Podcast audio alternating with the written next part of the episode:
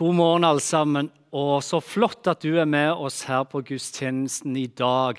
Der vi skal snakke litt om Kristi himmelfartsdag, som vi nettopp har feira. Og så skal vi speide fram mot pinsen som kommer til helga. Men hva handler Kristi himmelfartsdag om? Jo, det handler om dagen da Jesus gikk fra det å leve og forholde seg til jordens begrensninger til å flytte opp til himmelen. Dette er dagen når Gud, far, greip inn. Han bøyde seg ned og han tok tak i sønnen sin. Og han løfta han opp i sky, opp i himmelen, ut av begrensningene, inn i evigheten og inn til herligheten. Og jeg tror nok at vi aldri kommer til å forstå hvordan det var i himmelen den dagen der. Når Sønnen kom triumferende hjem, når Sønnen kom, han som hadde knust dødens makt, han som hadde tatt bort skillet som skilte oss fra Gud. Da rungte det gjennom himmelen. Da var det fest, og da var det virkelig god stemning i himmelen. Og for et øyeblikk det må ha vært for Gud, for far. Få lov til å ta inntil seg sønnen sin som han har sendt ned. For et øyeblikk det må ha vært for vår gode far. For Gud, han er en god Gud. Han er en far som elsker sine barn, og han elsker sin sønn. Og Det skal vi snakke om i dag, nettopp det at Gud er en god Gud. Vi skal snakke om Guds godhet. For det er nettopp slik at det er jo forskjell da, på å ha hørt om Gud og ha erfart Gud. Det er forskjell på å ha kunnskap om hvem Gud er, og ha kjennskap til hvem Gud virkelig er. Nå vet ikke jeg om du noen gang har sett dette TV-programmet, her, men det handler om eh, nordmenn, nei, det handler om amerikanere som får lov til å komme til Norge. De har vært nordmenn tidligere slekt og kanskje tilbake som besteforeldre eller oldeforeldre. Og så får de lov til å komme til Norge for å prøve å vinne en konkurranse. Og det er det her TV-programmet det heter Alt for Norge. Og Det har vært et veldig veldig populært program for Norge i mange år. For i 2011, og 2012 og 2018 2018 så vant det Gullruten. Og det er nettopp det at de skal være her i Norge. De har plukket de ut fra nord, eller sør, eller vest eller øst i Amerika. Og så får de lov til å komme til Norge i håp om å vinne konkurranse etter konkurranse, slik at de blir stående igjen som seiersherre til slutt. For det er kun en av de da som får lov til å møte slekta si der de kommer fra i Norge. Og eh, Hvert eneste år det slår jo ikke feil når de får på seg de norske skiene når de er ute og fisker. De går på fjellturer, de tar på seg bunadene for første gang i sitt liv. For dem så er det utrolig stort å få lov til å feire 17. mai, nasjonaldagen, og ha på seg bunadene. For dem så handler det om å få lov til å erfare lefsen som de har hørt om, brunosten eller lutefisken, og ta på seg bunaden. For det er én ting om de bare har hørt om det fra foreldre eller besteforeldre. Noe helt annet når de får selv erfare det. Fordi det er jo sånn det, at det er en ting å ha kunnskap om noe, noe helt annet å få kjennskap til noe. Der ligger hele forskjellen. I Gammeltestamentet, sånn ca. 600 år før Kristus, så kaller Gud en mann med navn Jamia til å bli profet. og Han gir ham dette ordet som han skal gå til folket som er i fangenskap i Babel. Og det står dette. For jeg vet hvilken tanker Og det er Gud som taler til sitt folk og gjennom Jeremia. For jeg vet hvilke tanker jeg har med dere, sier Herren. Det er fredstanker og ikke ulykkes tanker. Jeg vil gi dere framtid og håp. Men hva betyr i grunnen det? Og hva betyr det for oss i dag, et slikt løfte? Fordi det er jo noe om å høre at Gud er god, og noe helt annet når du faktisk oppdager det sjøl, at Gud, han er god. Så det vi skal gjøre i dag, er at vi skal ta, se på tre punkter sammen. Tre korte punkt som vi kunne sagt mye mer om, men vi får korta det ned til tre punkt der vi skal snakke om hva det vil si at Gud er god. Hva er Guds godhet, og hvorfor er Gud god? Og Det første punktet i dag det handler nettopp om at Gud er god. Og med det samme jeg sier det, så vil det være mennesker kanskje som hører på eller rundt oss, som vil spørre seg og lure på hvordan kan du si det når det skjer så mye vondt. Og Det er overhodet ikke vanskelig å forstå at en kan tenke det når en ser hvor knust og hvor ødelagt denne verden virkelig er. Når en ser hvor lite et menneskeliv er verdt for andre mennesker. Ja, vi lever i en knust og en ødelagt verden som Gud overhodet ikke drømte av eller ønska for noen av oss. Hans mening var jo ikke at vi skulle la barn sulte i hjel. Det var ikke Guds tanke at vi skulle oppleve at jenter ble solgt til sex trafficking. Det var ikke Guds tanke at vi skulle bombe hverandre i hjel og misbruke Guds navn for å rettferdiggjøre de vonde tingene som en gjør. Dette var ikke det Gud ønsket eller drømte om for våre liv. Johannes 3, 16, som kanskje er et av de mest kjente bibelversene i Bibelen, sier det slik som dette. For så høyt har Gud elska verden at han ga sin sønn. Den enbårne for hver den som tror på ham, ikke skal gå fortapt, men ha evig liv. Og Her er det to ting som vi skal bare få med oss med en eneste gang om Guds godhet. Og Det første nummer én er dette her, at Guds godhet ikke er for noen utvalgte kristne eller de som fikser livet. For så høyt har Gud elsket verden, betyr verden alle mennesker. Gud elsker alle mennesker like høyt. Om du skulle lykkes i livet eller ikke, Gud elsker deg like høyt. Og Det andre vi skal få med fra dette verset, som også taler om og viser oss om Guds godhet, er dette her, at Gud valgte å gjøre det ekstreme det desperate, det som jeg og du aldri kunne gjort. Han valgte å gi sin egen sønn til døden for at vi skulle få lov til å komme til han. Og dette handler ene og alene ikke om hva vi presterer, men hvem Gud er. Dette viser at Gud er god. Fordi det viser hvilken verdi du har, og det viser hvilken verdi vi har for han. Johannes 3, 16 er Guds kjærlighetserklæring til hver eneste en av oss. Det er Guds ja. Jeg elsker deg. Ja, jeg ønsker å leve med deg hele livet og inn i evigheten. Om du så blar noen sider videre og lenger inn i Johannes evangeliet, så kommer du til det 16. kapittelet, og der finner du overskriften at sorgen skal bli til glede. Og Når Jesus sier videre og viser videre hva dette handler om, så er det utrolig vanskelig for disiplene å forstå hva han prater om, og hva dette betyr.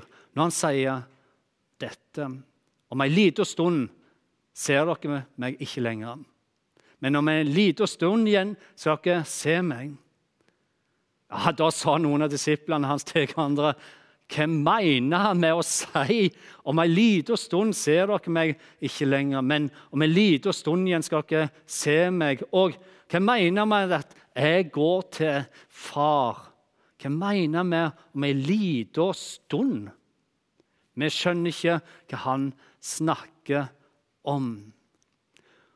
Og Det forstår jeg veldig godt at de ikke skjønner. Jeg hadde sikkert ikke forskjønt det sjøl heller.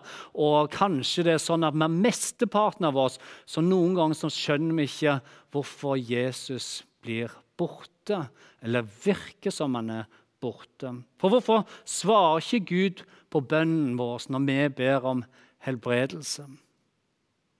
Eller hvorfor rakner familien selv om vi ba om noe annet?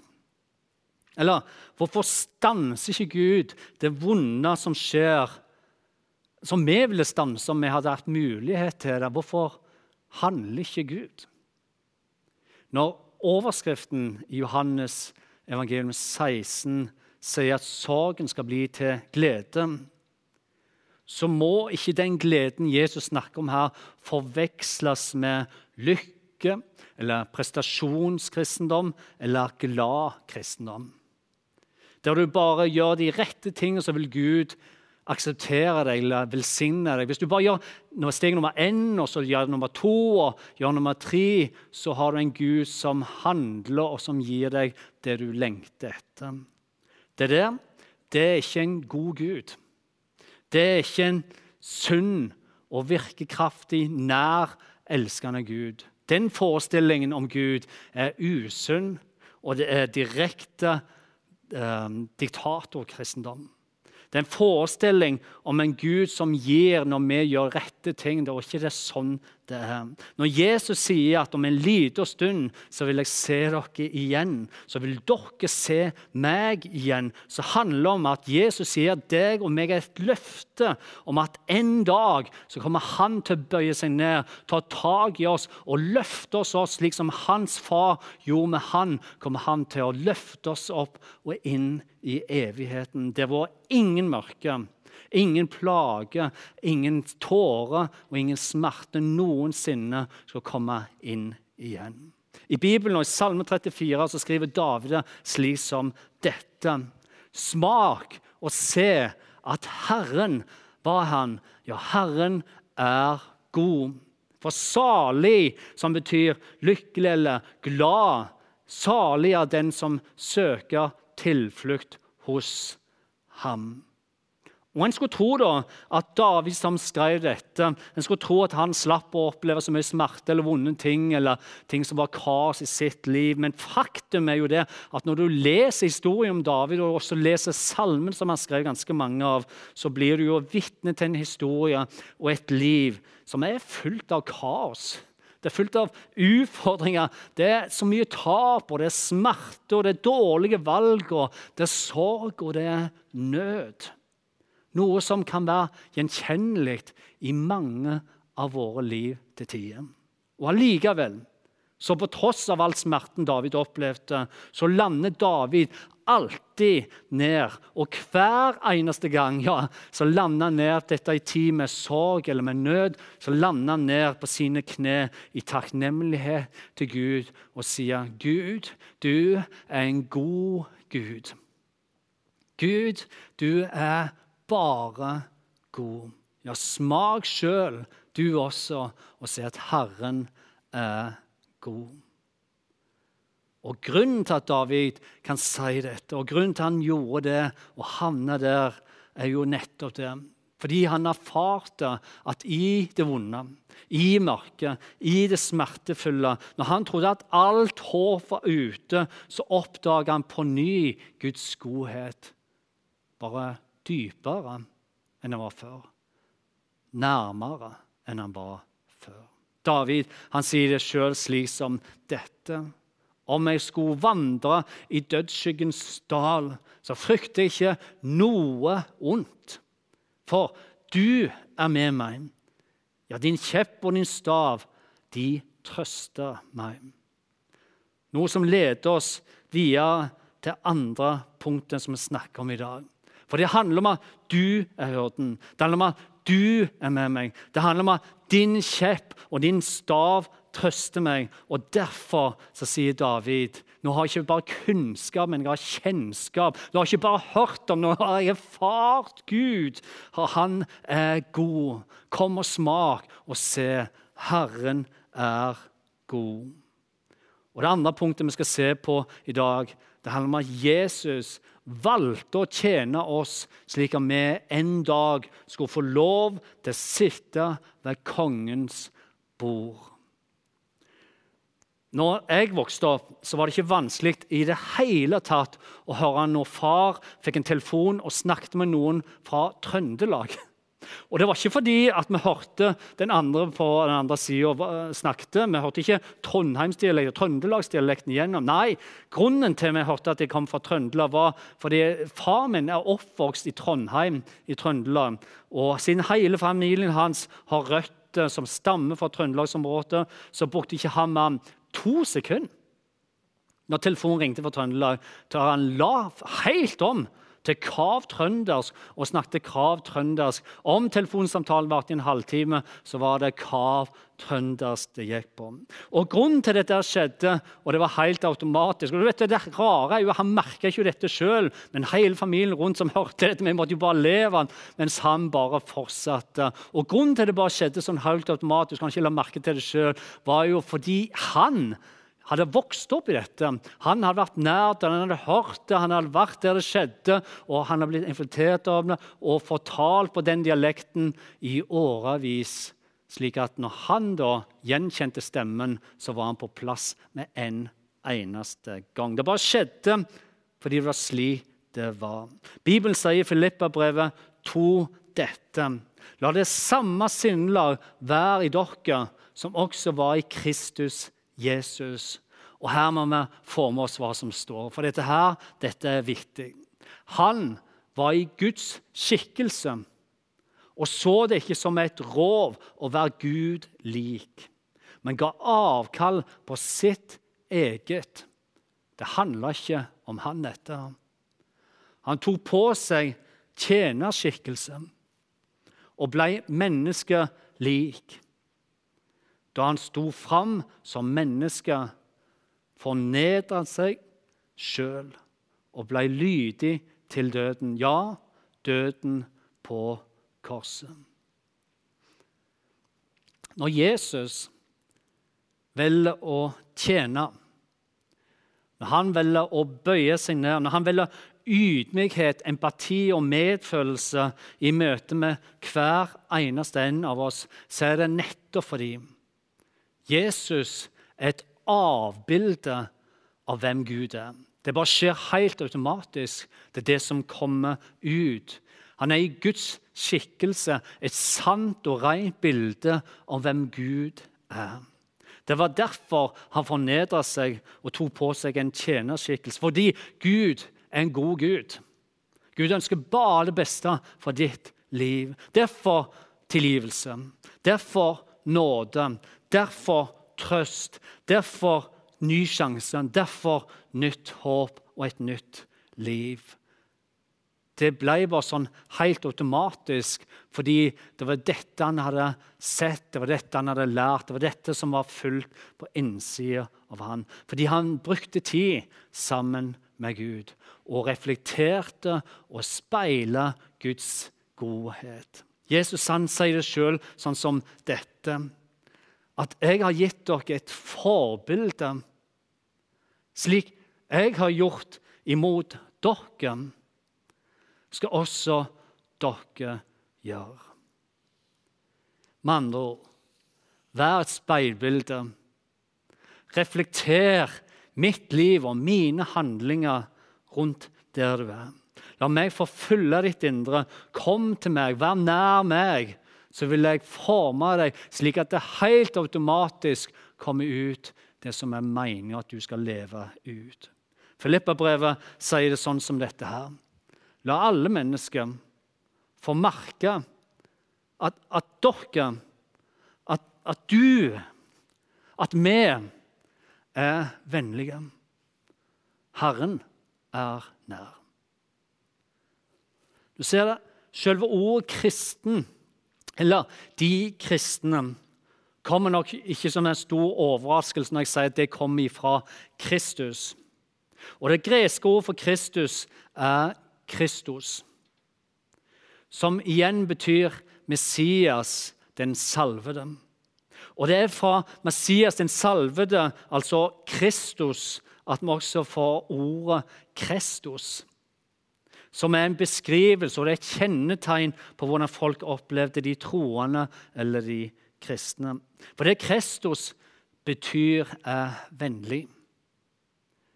Noe som igjen betyr at de første troende var kjent for deres vennlighet. Det var det de kjente de på. Det var derfor de kalte de for det de kalte de. For som Kristus var vennlig, så var de første troende vennlige. Det bare ble sånn. Det var automatisk sånn, for de hadde tid sammen med Jesus. Hver dag så gikk de i bønn, og så var de innenfor Jesus, og de ble formet av hans godhet. Og Derfor så fikk de kallenavnet De vennlige Kristus. Jesus han sier videre til sånn som dette. Et nytt bud gir dere. Dere skal elske hverandre. Ja, som jeg har elsket dere, skal dere elske hverandre. Og ved dette skal alle forstå at dere er mine disipler. At dere har kjærlighet til hverandre. Som igjen betyr at det å være vennlig, det å vise godhet, virkelig et vitnesbyrd, det er et speilbilde og det er en refleksjon av Han som vi tror på, har gitt livet vårt til. Vårt forbilde, Jesus, valgte å tjene andre. Hva velger vi? Hva velger vi å la være sentrum i våre liv, i våre handlinger? For det handler jo ikke bare om oss sjøl, dette livet her. Gjør det? Nei, det gjør ikke det. Det gjør ikke det. Og det leder oss til det siste punktet i dag, når vi skal snakke om Guds godhet, som handler om å ta imot, og ja, ta imot Guds godhet. Ja, vær tilgjengelig Vær til stede, benytte anledningene, søke for å prøve å få tak i mer av Guds godhet. Slik at Gud kan få lov til å gi oss det han ønsker. Slik at vi kan få lov til å ta imot av det han ønsker at vi skal være prega av. Her For flere år siden så opplevde vi en vond og en smertefull dag når vi bodde på Bryne. Når kona mi Lena tidlig en morgen på vei til jobb på sykkelen ble nedkjørt og ganske så kraftig skada ble hun. Hun havna på sykehuset, og redselen som møtte meg når jeg så henne der første gangen, den kan jeg kjenne den dag i dag. Men grunnen til at jeg forteller dette her, og forteller om en ulykke, eh, fordi det vi opplevde etterpå, når venner og bekjente fikk høre om hva som hadde skjedd, så valgte noen av vennene våre å lage middag til avtalt tid og komme med middagen og levere den på døra til oss. Det tror jeg er noe av det flotteste jeg har opplevd. Ikke fordi at lasagnen de lagde, kosta så mye for dem. Heller ikke fordi at det var så avansert lagtil osv. Nei, men fordi de valgte å se familien min. De valgte å se Lene, og de valgte å se meg. De var et speilbilde av godhet når de valgte å benytte anledningen og muligheten til å være noe for oss. Vi kan få lov til å ta imot av Guds godhet hver eneste dag takknemlighet kan få lov til å komme og bare ta imot. Og Jesus han sier sånn som dette, at den som tørster, la han komme til meg og drikke. Ja, den som tror på meg. For hans indre skal det, som Skriften sier, renne elver av levende vann. For det er Gud. Det er Gud som er kilden til godhet. Det at vi får lov til å ta imot, det er et privilegium. Vi får lov til å ta imot frihet, vi får lov til å ta imot frelse. Vi får lov til å ta imot tilgivelse, ja, ta imot nåden. Ta imot Guds overnaturlige fred, ta imot Guds visdom, ta imot styrken, ta imot gleden, ta imot trøsten. Og ta imot Jesus, som vil gi deg et nytt liv. Og hele nøkkelordet her eh, vi får lov til å ta imot Guds godhet, handler om at vi gjør oss tilgjengelige for Guds godhet. Og Her vil jeg med en eneste gang når vi nærmer oss slutten, si at her vi er enormt forskjellige. Fordi for noen av oss handler det om å sette av fem til ti minutter hver dag der vi søker Gud. Sånn som Jesus gjorde det. Han valgte å gå i bort for å gå opp i fjellene og valgte å være alene. Men han søker Gud. Hvorfor? Jo, slik at Gud kan få prege vårt indre, slik at det som Gud er, automatisk kommer ut. Hans godhet får lov til å komme ut i våre tanker, handlinger, det vi sier og det vi gjør. Sett av fem til ti minutter. Eller kanskje du er den som ønsker å gå tur i skogen, og du bare kjenner at dette connecter med Gud, og Gud får lov til å prege deg med sin godhet gjennom naturen. Eller kanskje det handler om å høre på en tale eller høre musikk og der Gud får lov til å tale til ditt endre. Eller kanskje handler det om deg å be den der modige bønnen til Gud om å få lov til å begynne på nytt igjen, og Gud vil automatisk gi deg et nytt liv når du ber den bønnen. Eller kanskje det handler om deg, og det handler om at du står i en såpass tøff situasjon akkurat nå at du som David blir nødt til å velge å stole på at midt i mørket så er han hyrden som kommer, og han trøster og han leder ut av det mørke. Det vi må huske på, og vi må aldri glemme, er disse her ordene som Jeremia fikk 600 år før Kristus, som han ga til folket som satt i fangenskap. Han sa dette, for jeg vet hvilke tanker jeg har med dere, sier Herren. Det er fredstanker, og det er ikke ulykkestanker. Nei, jeg er en god Gud. Og eneste jeg ønsker for ditt liv, er at jeg vil gi deg framtid, og jeg vil gi deg håp. Og da er det ganske stor forskjell å bare ha hørt om Gud, ha kunnskap om Gud, eller å ha erfart Gud og ha kjennskap til Gud. Skal vi be sammen helt, helt til slutt? Om du er der og du kjenner at det er lenge siden du har søkt Gud, eller om du er der og du aldri har tatt imot, så kan du få lov til å gjøre det mens vi ber sammen nå. Vær med oss og ber vi sammen til Gud. Takk, gode Gud, for at du valgte å bøye deg ned. Derfor du sendte din sønn for å tjene oss. Derfor din sønn valgte å ta på seg sin tjenerskikkelse, slik at vi skal få lov til å komme opp. Takk for at du kommer snart igjen. Og du har lovt at du skal komme og hente dine hjem til deg. Til et sted der er ingen plage og ingen mørke lenger. Til et sted der vi får lov til å være omslutta av din godhet. For takk, Herre, som vi hørte i dag. Du er en god Gud. Ja, takk for at Jesus valgte å tjene oss, slik at vi en dag skal få lov til å sitte med ditt bord, med kongens bord, i en evighet. Og takk, Herre, for at vi alle kan få lov til å ta imot din godhet. Du elsker alle like høyt, uansett hvor vi har vært, hvor vi har gjort, eller hvor vi kommer fra.